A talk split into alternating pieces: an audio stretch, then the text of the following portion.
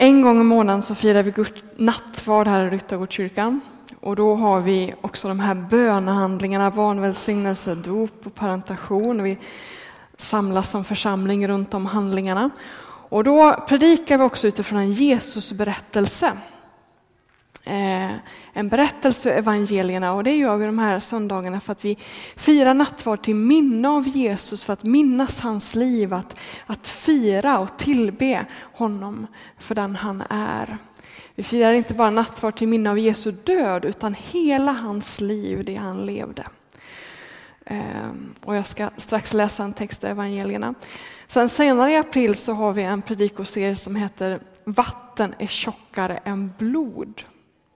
Och en del kanske har undrat vad betyder det? Det syftar på dopet. Vatten är tjockare än blod. Vi ska fundera kring lojalitetsfrågan, alltså vad är vårt förhållande till världen förra, första söndagen, andra söndagen familjen och tredje söndagen staten. Hur ska vi förhålla oss som döpta till de här tre olika sakerna? Så vatten är tjockare än blod, så vet ni det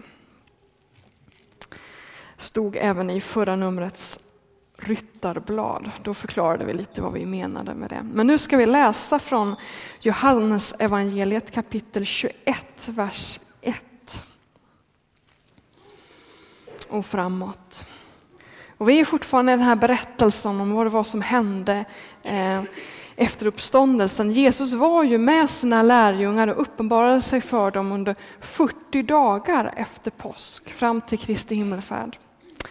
Så vi läser från Johannes evangeliet kapitel 21. Sedan visade sig Jesus igen för lärjungarna vid Tiberias sjön. Det gick till så. Simon Petrus och Thomas som kallades Tvillingen, Natanael från Kana i Galileen, Sebodaios söner och två andra lärjungar var tillsammans. Simon Petrus sa till de andra, jag ger mig ut och fiskar.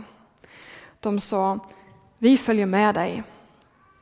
De gick ut och steg i båten, men den natten fick de ingenting. När morgonen kom stod Jesus på stranden, men lärjungarna förstod inte att det var han. Och Jesus frågade, mina barn, har ni ingen fisk?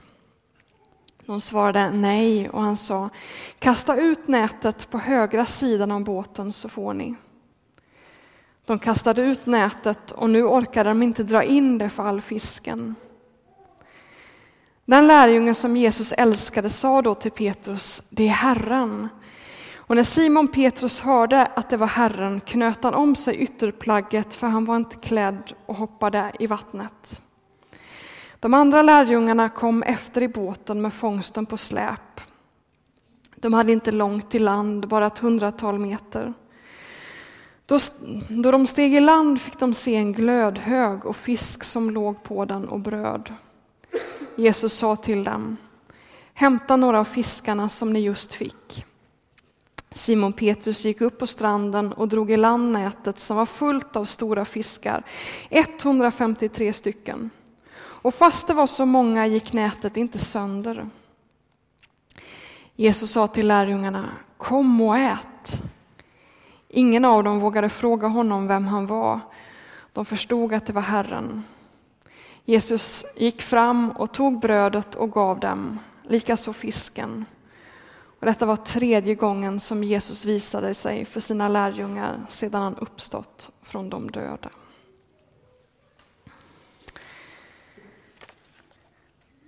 Man kan fråga sig, vad gör de här lärjungarna i Galileen? Nyss var de ju i Jerusalem, det läste vi om förra veckan. Det var i Jerusalem som de hade firat den judiska påsken eh, och det var där Jesus hade fängslats, avrättats och begravts. Eh, och det där läste vi om förra veckan i våra gudstjänster. Och på påskdagen så läste Ove Blidelius från Matteus evangeliet kapitel 28, där i början av gudstjänsten. Och han slutade i vers 6. Och där säger ängeln till de här kvinnorna som går till graven att han är inte här, han har uppstått. Och där slutade vi läsningen och så började vi med jublet och vi hade konfetti konfettibomber. Hade vi. Tyvärr blev det, blev det inte så mycket konfetti som vi önskade, det var någon som inte, någon som inte utlöstes. Men, men där började festen. Eh, nåväl, hade Ove fortsatt att läsa ur Matteus så hade vi fått veta att ängeln inte bara informerade kvinnorna om att han har uppstått, utan också att de skulle gå till lärjungarna och säga att gå till Galileen, där så kommer ni få se honom. Så de fick ett uppdrag, de här kvinnorna, att gå till Galileen, där skulle de få möta Jesus. Eh. Ibland har vi sagt att lärjungarnas resa till Galileen var en slags känsla av uppgivenhet och sorg, att de ville gå tillbaka till det gamla. Men om vi läser från Matteus och från ett annat evangelium där så förstår vi att nej men de, de var i Galileen för att de hade fått den befallningen av ängeln. Det var dit de skulle åka. Det var där de skulle få möta Jesus. Så de är i Galileen för att få möta Jesus. Ibland har vi sagt att detta att de gick ut och fiskade, att det är ett slags uttryck för uppgivenhet, att liksom allting bara ramlat ihop och nu går de tillbaka till sitt gamla liv. Men alltså vi får ju komma ihåg att de här lärjungarna, det var, det var inga Ibland kan man tänka om, om de hade varit pastorer, anställda en församling och liksom sagt upp sig och stuckit och gjort något annat, då hade det kanske varit en, ett uttryck för uppgivenhet. Men det här är ju inte pastorer eller ledare i kyrkan. Liksom, det finns ingen kyrka ännu. Eh, de var lärjungar till Jesus. De hade hängt med Jesus och lyssnat till hans undervisning i tre år. Och nu fanns inte Jesus mitt ibland dem längre på samma sätt. Och de, de gör det som alla måste göra. Man arbetar och man skaffar mat. De fortsätter att leva sitt vardagsliv. Så att lärjungarna är i Galileen och fiskar, det är inte ett uttryck för uppgivenhet och tillbakagång. De är i Galileen för att ängeln har befallt dem det och de är där och gör det de brukar göra. Skaffar mat helt enkelt. Precis som du och jag.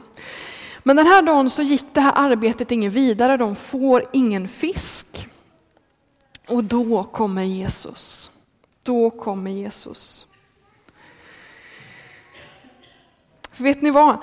Jesus vill vara en del av vår vardag. Jesus vill vara en del av våra arbeten och vårt vardagsliv. Så mitt i den här liksom svårigheten, mitt i det här vardagsproblemet, de har inte fått någon fisk, så kommer Jesus och hjälper dem med det. Det som var deras problem. Och han lokaliserar något fiskstim där som han har sett från stranden. De här fiskade ganska nära land och liksom kastade ut näten för att liksom fånga in fiskstim. Och så säger han, men kasta ut där på högra sidan där, där är ett fiskstim. Och de kastar ut nätet och så får de så fruktansvärt mycket fisk så de får svårt att liksom hantera det där. Ehm, och då är det en av lärjungarna som säger till Petrus, det är Jesus, det är ju Jesus som står där. Och då blir Petrus helt till sig så han hoppar ur båten och ska liksom, ja, Jesus, han är här. Eh, och då, då, är det så roligt om ni, om ni såg det i texten att, att, Jesus liksom påminner Petrus om att hallå du måste ju hjälpa till här, du kan ju inte bara sticka från uppgiften. Utan liksom ta hand om den här fisken och det är så fint, alltså Jesus för honom är mat, mat och vardag det är viktigt. Det är inte så att Jesus bara säger släpp allt av för händerna här, utan han säger snarare tvärtom. Ja, men gå och hjälp till nu här med den här fiskfångsten. Och Petrus gör som Jesus säger, eh, han hjälper till med näten och så räknar de till och med fisken, 153 stycken var det. Och många teologer har försökt lista ut vad betyder det? 153, vad kan det vara för symboliskt tal? Och så har man grubblat och inte riktigt kommit fram till en, en lösning. Det finns många lösningar på det. Och det skulle kunna tyda på att det är inget symboliskt tal. Alltså om finns det en symbol, liksom en symbol funkar ju på det sättet att alla vet vad det betyder. Ser man en stoppskylt, okej okay, stopp betyder det. Men om vi inte kan enas vad det 153 är för någonting, då kanske det inte betyder någonting. Det var bara 153 fiskar. Punkt.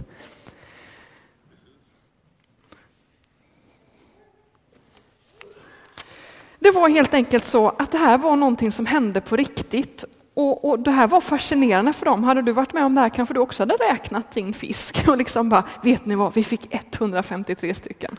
Och så är det ju fiskare räknar ju sin fångst för att veta vad man ska få betalt för den. Alltså, vi ska alltid vara så överandliga. här kommer Jesus, hjälper dem med fisk och de fick fisk. Eh, och inte nog med det. När, när de har fått in den här fisken så, så ser de att, att Jesus har gjort upp eld. Han har gjort upp en glödhög, han har fixat fram bröd. Han kanske till och med har bakat det själv, vem vet. Och han har fixat fisk och han grillar där. Han har gjort frukost till lärjungarna. De fiskade ju nattetid. Han har gjort frukost. Eh, och så säger han efter de har liksom tagit hand om den här fångsten så säger han bara kom och ät.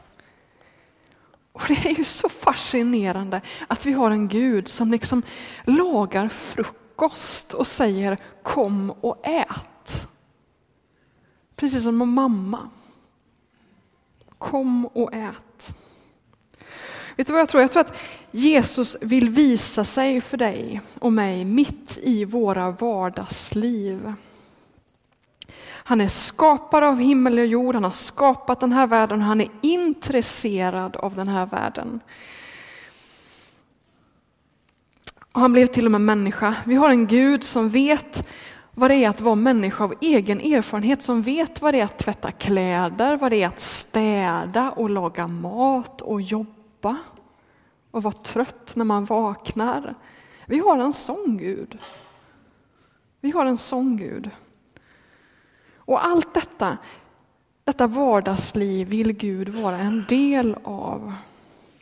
Och genom den här berättelsen så förstår vi just detta, att Jesus ger sig till känna i vår vardag. För vet ni, ängeln sa ju inte till kvinnorna att de skulle säga till lärjungarna att gå till templet. Att det var där Jesus skulle uppenbara sig. Utan han, ängeln säger, de ska gå till Galileen till där lärjungarna bodde, där de hörde hemma. Där kommer ni få möta den uppståndne Jesus. Det är i vår vardag vi får syn på honom.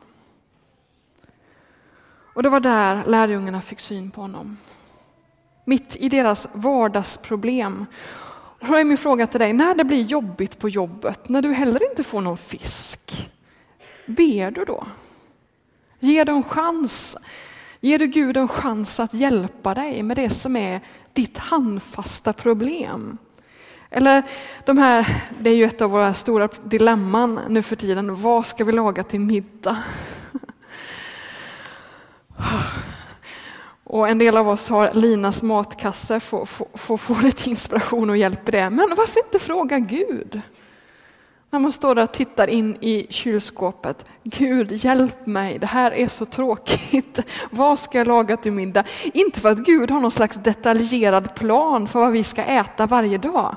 Inte så att du liksom måste be Gud om, liksom, du är min Herre och du liksom ska visa mig här. Inte det, utan snarare, Gud hjälp mig. Det tryter, min fantasi tryter. Vad ska jag laga till middag? Tänk om du kan få ett svar. Tänk om det är så att det är där Gud uppenbarar sig, mitt i vår vardag. Jag tycker den här berättelsen vittnar om det, att han kan hjälpa oss mitt i våra vardagsproblem som har med arbete att göra, som har med matlagning att göra. Och då är frågan, bjuder vi in honom? Får vi en syn på Jesus? Mitt i vår vardag. Är det så att vi bara förväntar oss att det är liksom i böne, den liksom sakrala bönestunden, bara i den här kyrksalen som Gud uppenbarar sig? Eller har vi tro för att Gud faktiskt kan möta oss mitt i vårt kök, mitt på vårt kontor? Jag tror att om du har med det i baktanken att Gud blev människa och vill vara en del av vår vardag, så kommer du få erfara Guds omsorg i ditt liv. Att Gud finns där och grejar och hjälper dig. då kommer du få lära känna den här guden som säger kom och ät. Kom och ät. Jag vill hjälpa dig. Och du kommer märka att vi har en Gud som tycker om mat. En Gud för vilken det här med måltiden är viktig. Så viktig så han till och med liksom har fixat så vi har en måltid i vår gudstjänst. Vi ska strax gå in i vårt nattvardsfirande. Um. När vi är så många så blir det ju lite, lite bestyr med hur vi ska få till det där med nattvard. Eh, och eftersom vi vill att alla ska få ta, kunna ta del av de här gåvorna så har vi inget alkohol i vinet. Vi har heller inget gluten eller laktos i brödet. Och så för att de ska kunna, som är infektionskänsliga ska kunna ta del av vinet genom att doppa så, så är, är det ett bestyr att hitta ett bröd som liksom man kan doppa, som det inte är laktos i, som det inte är gluten i, som liksom inte bara faller ihop. Och då har vi oblater och det är ju det tråkigaste brödet som finns på hela denna jord. Det smakar ingenting, det är liksom bara, ja. Men vi gör det för det är det som är möjligt just nu. Om någon har hittat ett annat bröd som funkar så är det varsågod på det. Men just därför att det här, det här är det enda liksom vi kan göra när vi är så många och så olika. Därför uppmuntrar vi i församlingsledningen att ni är med och firar nattvard i era hem. I er bönegrupp till exempel, eller vänner emellan. Och att ni då använder vanligt bröd, vanlig mat och har en måltid tillsammans. För måltiden är viktig för Jesus. Så viktig så att han liksom, det har blivit en del av vårt gudstjänstliv. Och där påminns vi i nattvarden att vi har en Gud som säger kom och ät på så många olika plan. Han har skapat den här världen, den här naturen, den här våren som kommer nu. Och det är som han säger, liksom bara kom och njut av det här. Kom och njut av goda frukter, av det som naturen ger. Och så säger han, kom och ät av mig. Kom och ät av mig, jag ger mitt liv för er. Så nu ska vi alldeles strax stämma in i en tackbön och vi ber nattvardstjänarna komma fram här med en gång. De som ska hjälpa till att dela ut de här gåvorna, så fram. Eh, och så ska Ester leda oss i en tackbön för just detta att vi har en Gud som säger kom och ät på alla de här olika planen. att han har skapat den här världen. Han ger oss så mycket goda gåvor och ska vi också tacka för att han är livets bröd och livets vatten, att han kan ge oss mat också för vår själ. Så låt oss tacka. Du är en Gud som blev människa, som blev som oss. Jag kan inte förstå vad du gav upp för att göra det, men vi tackar dig för det. Tackar dig för att du gjorde det möjligt för oss att vara i gemenskap med dig, att fira, att äta med dig, att vara med dig.